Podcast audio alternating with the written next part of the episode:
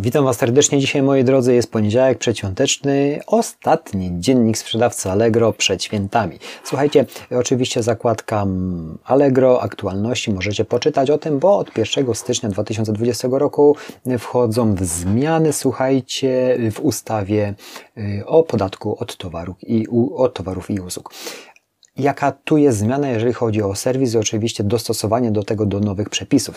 Chodzi o numer NIP-u na y, Paragonie.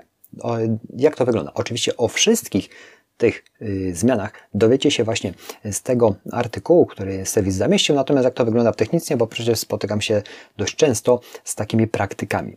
A więc od początku, słuchajcie, y, kupujący będzie mógł otrzymać fakturę VAT-owską na firmę, jeżeli kupuje to na firmę, w momencie, kiedy już w formularzu dostawy poda numer NIP, wtedy możemy mu tą fakturę wypisać. Natomiast często się też tak zdarzało u mnie, że był to zakup, czyli można było powiedzieć, że jest to zakup i nie było w formularzu dostawy podane numer NIP-u, nie tylko później była prośba o tą fakturę. I tutaj w tym momencie możemy się, musimy na to uważać, bo my jako sprzedawcy odpowiadamy mm, za za przestrzeganie przepisów. I w tym momencie, po 1 stycznia 2020 roku, jeżeli coś takiego zrobię ja czy wy, sprzedawcy, to już łamiemy przepisy. I co wtedy, kiedy ta sprzedaż schodzi i nie było numeru NIP-u, a, a prosicie o to mm, kupujący? To w takiej sytuacji musiałbyś mieć możliwość wystawienia paragon z numerem NIP na samym początku i koniec i kropka, ale ten NIP by musiał być podany. I możesz wypisać tą fakturę VAT-owską z NIP-em, ale musiałbyś, musi być ten paragon również z NIP-em, czyli jedno i drugie musi mieć NIP.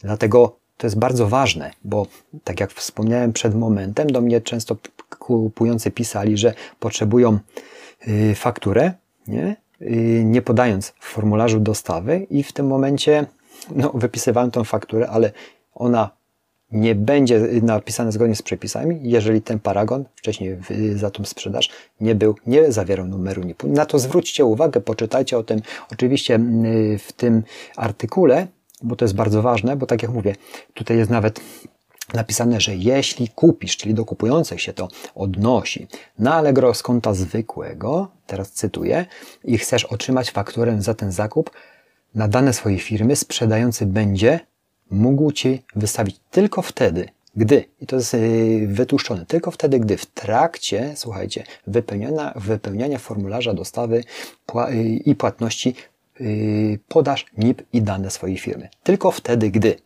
Inaczej nie. Chyba, że oczywiście będzie na tym paragonie widniał NIP. No ale jeżeli sprzedawca kupując tego NIP-u nie poda, no to nie sfiskalizujesz tego na, z numerem NIP. I to tak wygląda, trzeba tego przestrzegać. Dlaczego?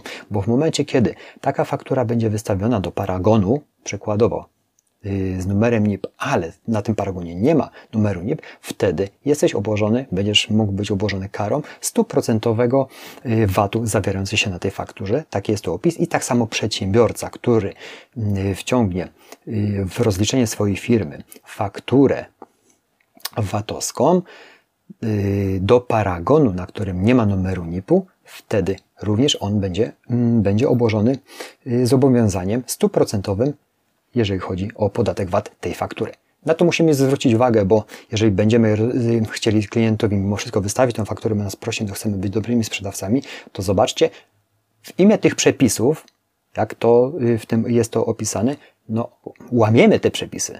Nie możemy tego zrobić. Czyli jeżeli jest klepnięte, bez numeru NIP, jest w tym momencie tylko i wyłącznie paragon. Nie możemy do tego zgodnie z przepisami wypisać faktury VAT-owskiej. Chyba, że na tym paragonie będzie NIP. I wtedy będzie NIP na paragonie, na tej fakturze i wszystko jest zgodnie z przepisami.